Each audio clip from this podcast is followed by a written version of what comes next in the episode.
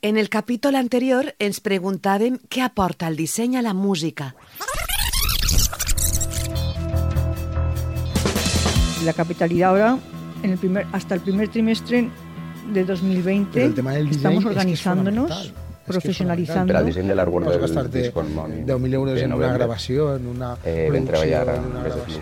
El nostre videoclip de és la història d'un grup d'adolescents que juguen a trencar tots els que límits. vivim en la era de la imatge morals, més que mai. Un fet paradigmàtic Sobre el disseny del vinil, los años líquidos.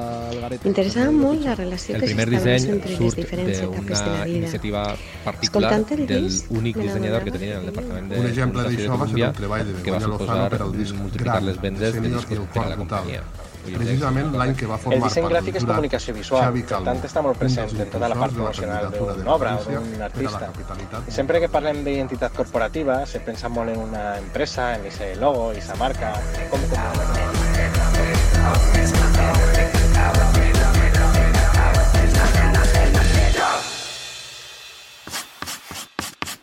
La revista cultural i d'oci Bit València presenta el podcast d'Amàlia Garrigós.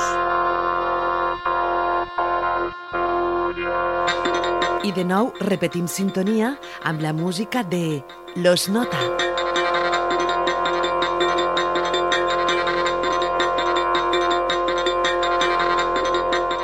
Hola, sóc Garcieta, eh, membre del grup Los Nota. Los Nota, com el nostre manifest indica, fem cançons gastant només una nota.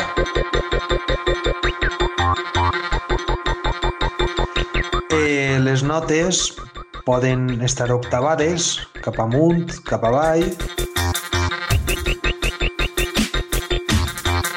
poden estar modulades, és a dir, gastar filtres que tallen la seva ona per les freqüències baixes o per les freqüències agudes i eh, poden tindre forma de diversos instruments, és a dir, poden tindre molts timbres diferents.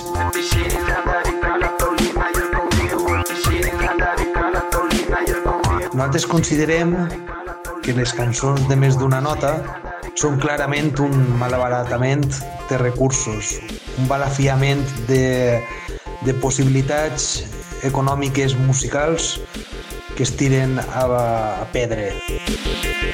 I res, per això és per lo que em vaig deixar el meu anterior grup, Ovidi Twins, perquè estava fart de fer cançons amb acords i polifonies innecessàries.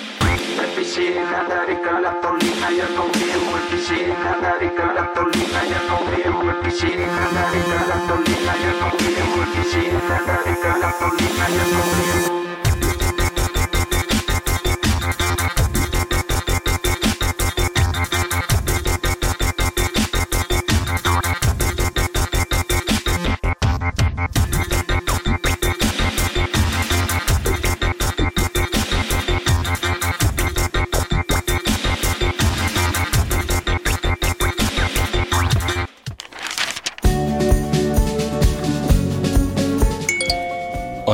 soc Tofol Cruz de Mineral Graphics, un xicotet d'estudi de disseny gràfic i comunicació que funcionem des de Castelló de la Plana des de fa uns 8 anys.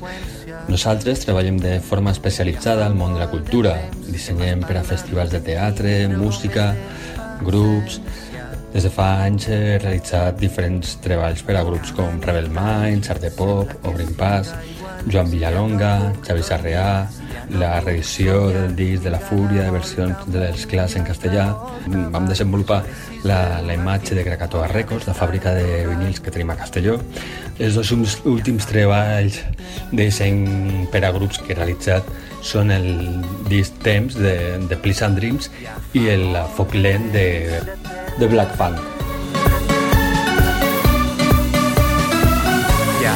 Molt de temps que vam tindre quedar el sol lluïa brillant i la mar eren festes. Hi havia un concepte que era temps i que es- estava present en les diferents cançons.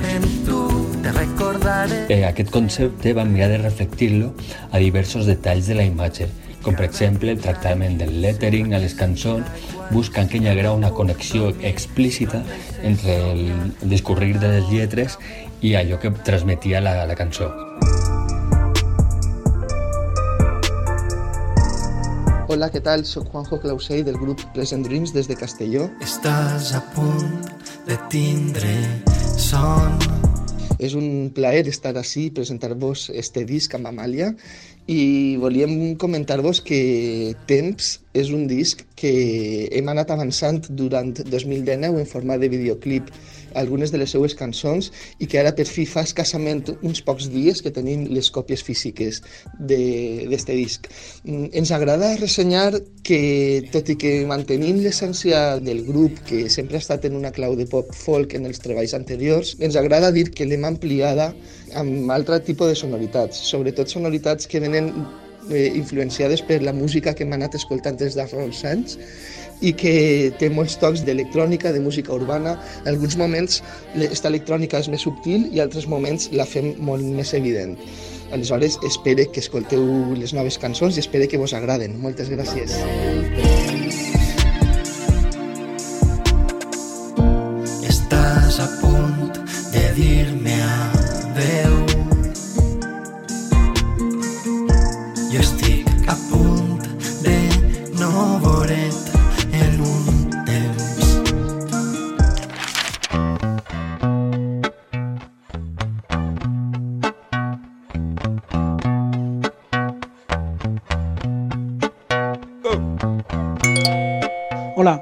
sóc Daniel Olmo, dissenyador i il·lustrador d'Estudi Grafema, una empresa xicoteta de disseny gràfic ubicada a Olocau, prop de València. El nostre estudi, des de sempre, des del naixement, ha tingut un lligam molt gran amb la música. Hem treballat per a músics del País Valencià, de les Illes, de Catalunya, i hem treballat també per a molts col·lectius dins de l'àmbit eh, musical. Hem fet portades i il·lustracions per a Òscar Brí, Remigi Palmero... Damunt m'ha regalat aquest cangur. Però si hem de destacar algun dels projectes en els que hem estat implicats des dels seus inicis, és amb, amb Vercel. Per a nosaltres, qualsevol aspecte de la vida té una relació amb el disseny i més un món com aquest, que on el pes visual té un pes tan gran. Concretament, dins de l'àmbit musical, pensem que té una relació més estreta, com qualsevol treball creatiu que a més es nodreix mútuament.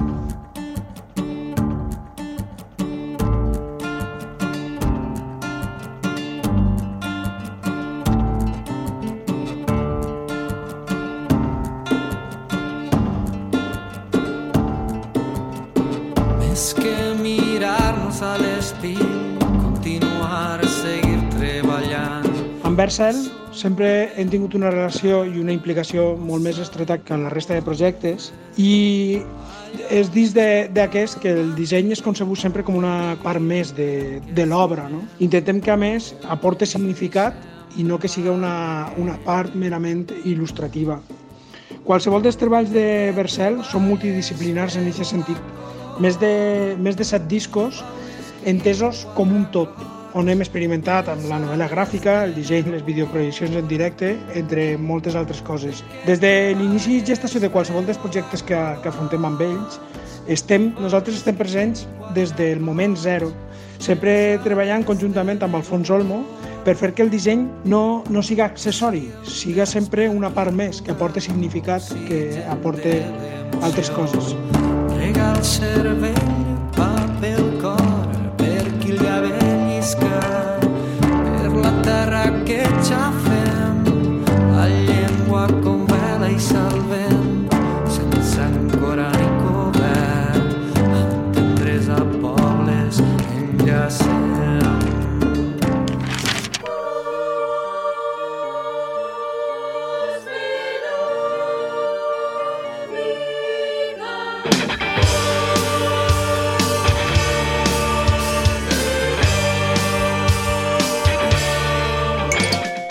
Sóc Ximo Guardiola, del grup OWIX, del darrer disc Salut que hem editat este 2019. Estem molt contents del disseny gràfic, no? El nostre col·laborador habitual de les portades d'OWIX, Joan Ives Pasqual, visualitzava en cada cançó algo relacionat amb les mans. Aleshores, a partir del fil conductor de les mans, per exemple, en la cançó Salut ha posat unes mans brindant en unes copes, en la cançó Mort al Mediterrani les mans apareixen intentant ajudar a unes pasteres al mig de la Mediterrània.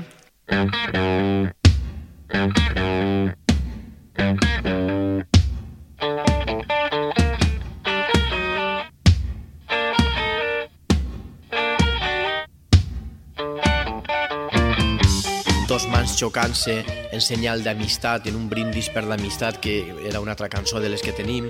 Per nosaltres ha sigut molt gratificant tornar a posar les cançons, mirar el quadre, que en realitat per mi és com un quadre, cada dibuix que ha fet eh, Joan Ives, i escoltar la cançó mirant el dibuix és multiplicar el valor de, de, de cada cançó i en este cas del disc.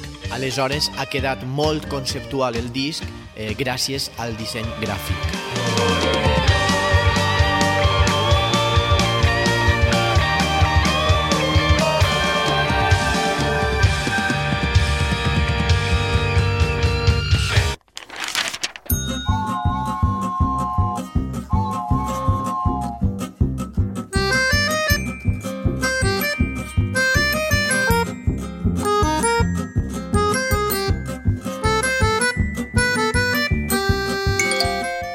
sóc Francesc Burgos, sóc el responsable de la Casa Calva i el director del Teatre del Raval, però també tinc la vessant artística amb la POP, Petit Orquestra Peyotaire, i ara he encetat un projecte personal que es diu El Triangulista, en el que estic realment molt content, estic projectant somnis que tenia en ment ja fa molts anys, i mira, ara ho hem pogut estrenar, que és fer espectacles multidisciplinars amb el teatre i la música com a fonament.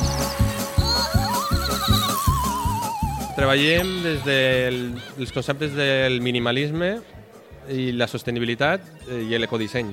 Per exemple, la Casa Calva en els discos mm, ja aplicava, sense posar-ho de manifest, tots els paràmetres de l'ecodisseny.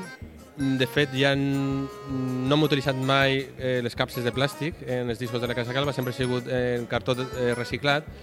Hem tingut el concepte del cartó reciclat, mm, del mínim grossor per a tant de la carpeta com dels fulls. Eh, també hem tingut en compte el, el número de tintes que fem servir i sempre hem utilitzat cartó reciclat i tant en la carpeta com, eh, com en els llibrets en tots els nostres catàlegs.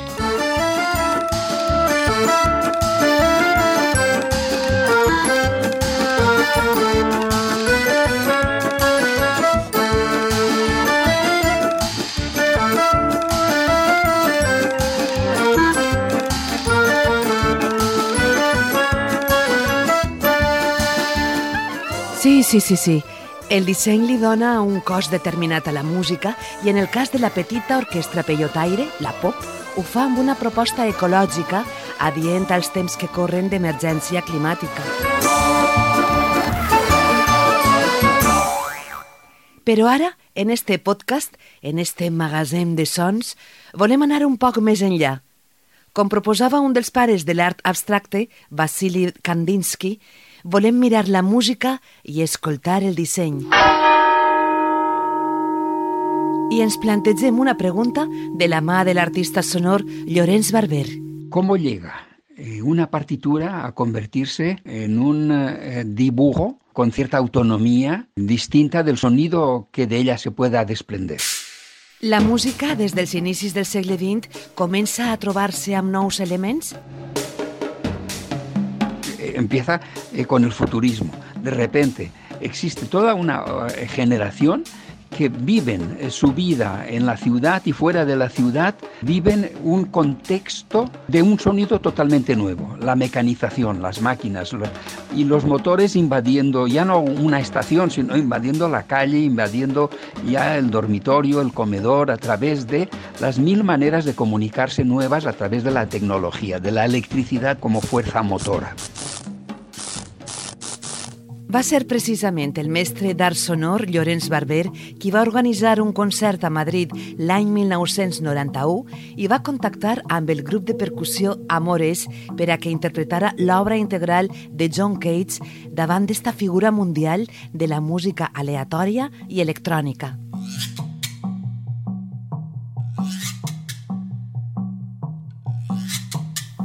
Àngel Garcia, Pau Ballester i Jesús Salvador Chapi fundaven fa 30 anys un grup pioner a nivell estatal que ara, en el segle XXI, és referent cultural internacional de la música per a percussió i la creació contemporània en general. Impactats amb l'obra sonora de John Cage, agafaren el nom d'una de les peces del creador nord-americà. Com conviu el disseny amb les creacions auditives d'Amores? Li ho preguntem a un dels tres integrants del grup, Chapi. Què aporta el disseny a la música d'Amores? Òbviament la música entra per les oïdes, per tant el disseny més rellevant és el disseny sonor, el disseny sonor que incorporem en els nostres eh, concerts, espectacles, ja siga utilitzant sons de la natura, del, del nostre entorn, sons urbans, tradicionals, futuristes, minimalistes o, o, o el mateix atronador silenci. Però el disseny gràfic és el que ens dona una imatge i per tant funciona com, com una campanya per a instal·lar la curiositat i atraure a un determinat públic, quasi sempre públic àvid de descobrir noves formes de fer música i altres coses, noves sensacions. És important el disseny i divertit. Aporta fantasia.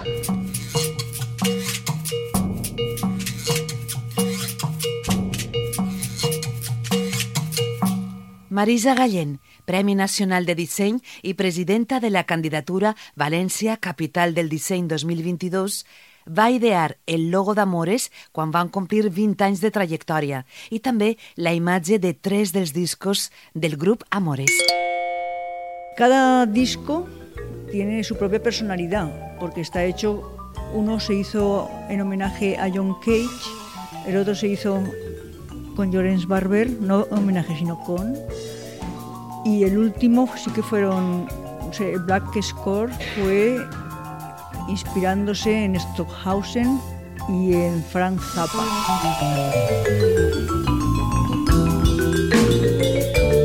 Entonces cada disco tiene su propia personalidad. No es, no es que haya una línea continua en el proceso de hacer un disco el segundo y el tercero, sino que cada uno trata de reflejar una personalidad diferente porque la música es diferente.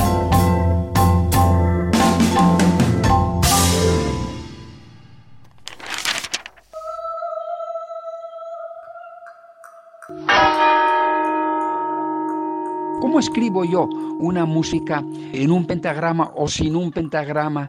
Una música que no tiene notas. Bueno, pues se tienen que inventar. Y entonces, pues todos los futuristas empiezan a inventarse eh, maneras de poner en una notación esos ruidos. Primero los clasifican, pues vamos a hacer, los ruidos son unos son silbantes, los otros son es, estruendosos, el otro es ritmado, el otro es carraspeado, no sé qué. Hacen un solfeo de ruidos y con eso hacen partitura.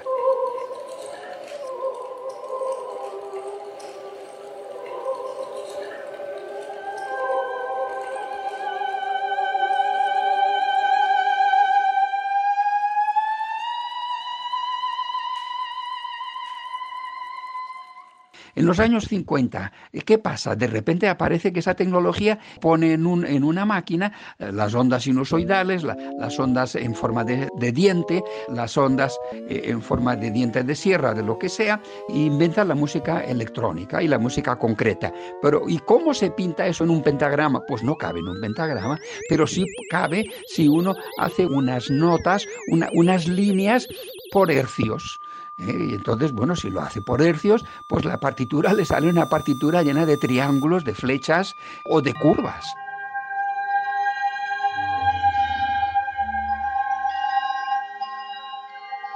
Escoltem la veu de Montserrat Palacios, soprano i extended voice, la voz extendida, la veu estesa.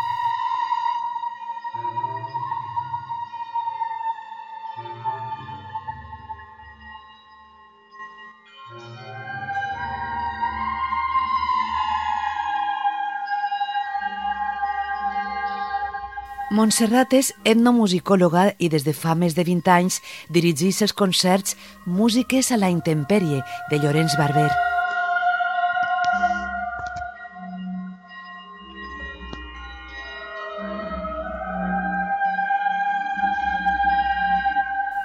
Com a dona, és l'artista del so que més profundament ha escrit sobre l'art sonor a nivell estatal i internacional.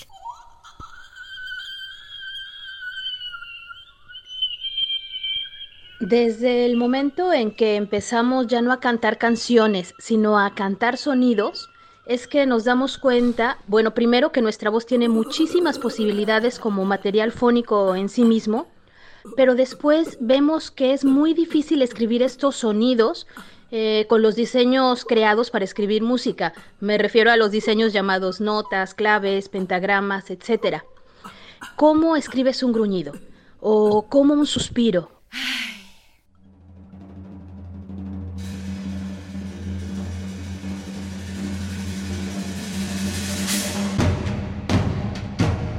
Fluxus és un moviment internacional que naix i creix en les dècades dels anys 60 i 70 del segle passat als Estats Units i a Europa.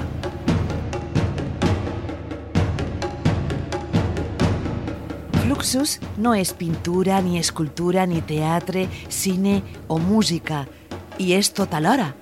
Però seria impensable sense l'avantguarda musical de John Cage, fou la primera forma d'art des del dadaisme en apostar per la fusió de gèneres. Els seus artistes procedien sobretot de la música i la literatura, com George Masiunas, Benjamin Patterson o Yoko Ono.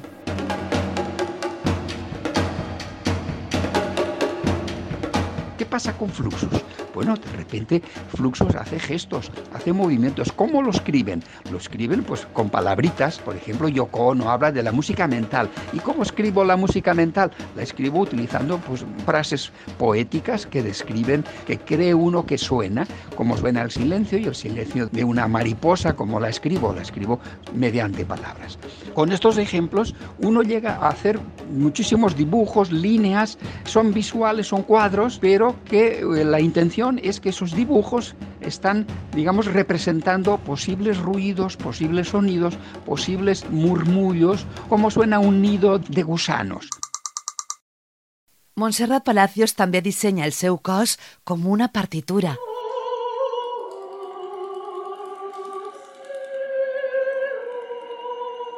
A mí me gusta mucho en muchos de mis performances utilizar mi propia piel como partitura. La piel tiene toda una, una lectura en sí misma y es nuestro cuerpo, nuestro, nuestro gran territorio sonoro el que, el que nos canta. También eh, me encanta pensar la idea de que esa extensión de la partitura se va convirtiendo en hilos, en hilos de voz, que son hilos también de, de coser y, y, yo, por ejemplo, me pongo a coser a toda la gente que está presente en mis performances mientras voy cantando, porque también creo que la voz no es solo un, un hilo que comunica, sino un hilo que nos va tejiendo a todos.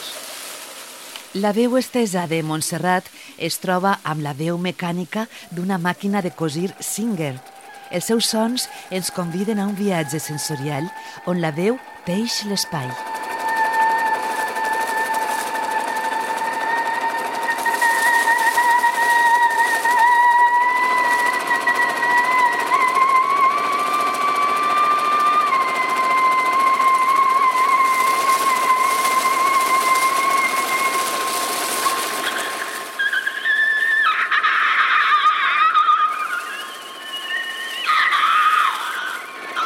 Montserrat crea partitures amb fils i tinta en el projecte Music for Two Singers, el so de la mítica màquina de cosir Singer i la Singer cantant, Montserrat Palacios, amb les tessitures de la seva veu esteses sense manipulació electrònica. El podcast d'Amàlia Garrigós està fet per a melòmans, humanistes i altres espècies. L'art és contextual i la música també. La música se ha apropiado de mil contextos y esos mil contextos eh, requieren un tipo de partitura, guía, hasta con detalles o con similitudes que abran eh, las expectativas del lector y del posible intérprete que ya se especializa en hacer una traducción de unos ángulos, de unos triángulos, de unos paralelepípedos, de unas nubes, de unos arbolotes llenos de, de unos pájaros que no son pájaros, mil, mil cosas. Com són les teues partitures, Llorenç Barber? Hago partituras autónomas eh, partituras que no requieren ser traducidas, que solo la belleza de verlas ya me sugiere mentalmente, como diría Yoko Ono, como dirían ciertos fluxos, ya me hacen dibujar interiormente una música sugerida, una música que con solo verla ya me suena.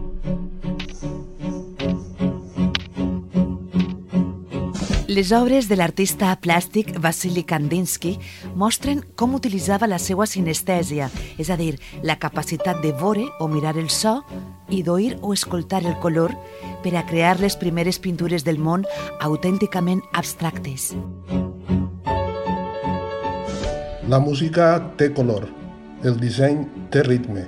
César Amiguet, dissenyador i director artístic d'Escola Valenciana. Tots són vibracions, tant dels colors com les notes, ens arriben en freqüències i timbres de molt variats espectres. Vasily Kandinsky ho va intuir i va teoritzar al respecte. Kandinsky va ser professor de l'escola Bauhaus, de la qual enguany es complixen 100 anys de la seva fundació, una escola que va establir les bases del disseny gràfic industrial alhora que definia la confluència de totes les expressions artístiques per a la seva democratització.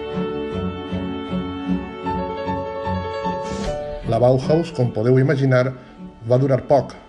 La van tancar els nazis l'any 1933, però la seva influència arriba fins als nostres dies. Kandinsky va ser també l'artista que veu la música i escolta el disseny. Per a ell, tot són vibracions d'un mateix esperit. Els seus llibres de l'espiritual en l'art i punt de línia sobre el pla són veritables manuals de sinestèsia amb vocació didàctica. Encara avui, en aquest món d'interrelacions i contaminacions artístiques, el disc seria la quadratura del cercle, un vinil que s'endinsa en una coberta.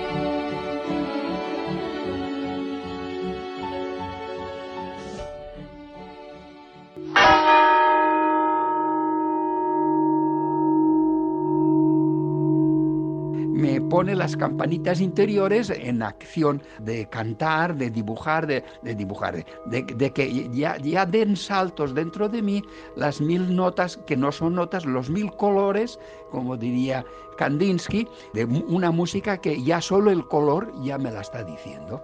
De esto hablamos cuando hablamos de diseñar el sonido, diseñar el color, diseñar las formas, diseñar los movimientos, diseñar las mil cosas que pueden ocurrir.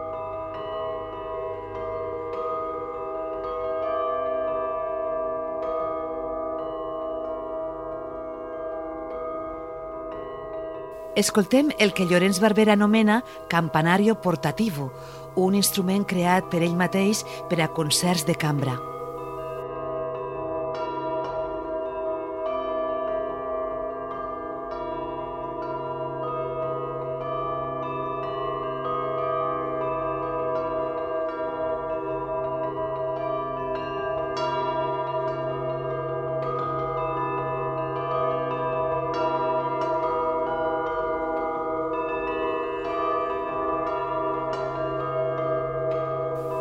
Ens ensisa submergir-nos en tot allò que envolta la creació en el disseny i la música i el so. Mm. Estic pensant que hem passat pels moviments del segle XX no academicistes, el futurisme, Fluxus, Kandinsky...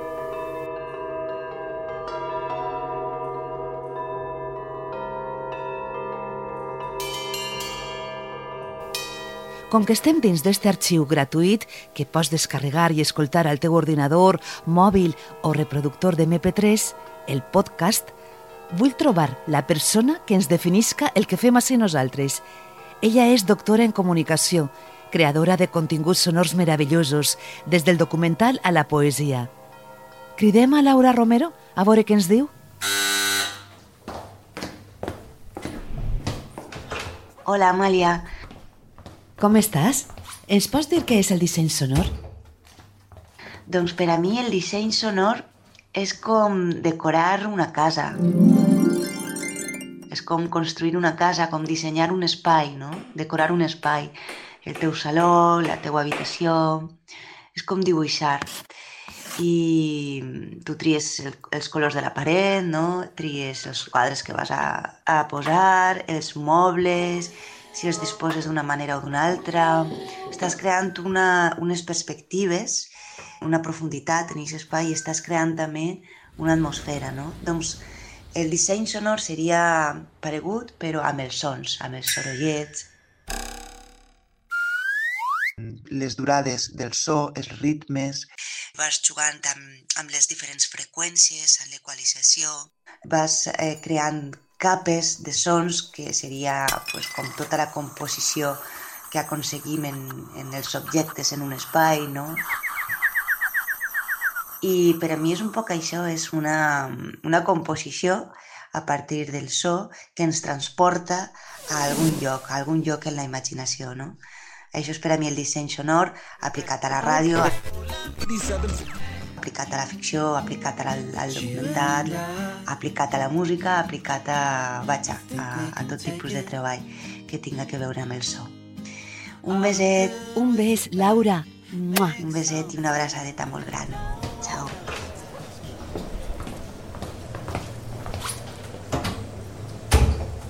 Fins la pròxima. Ens trobem en este lloc sonor, els podcasts mensuals que publica Bit València.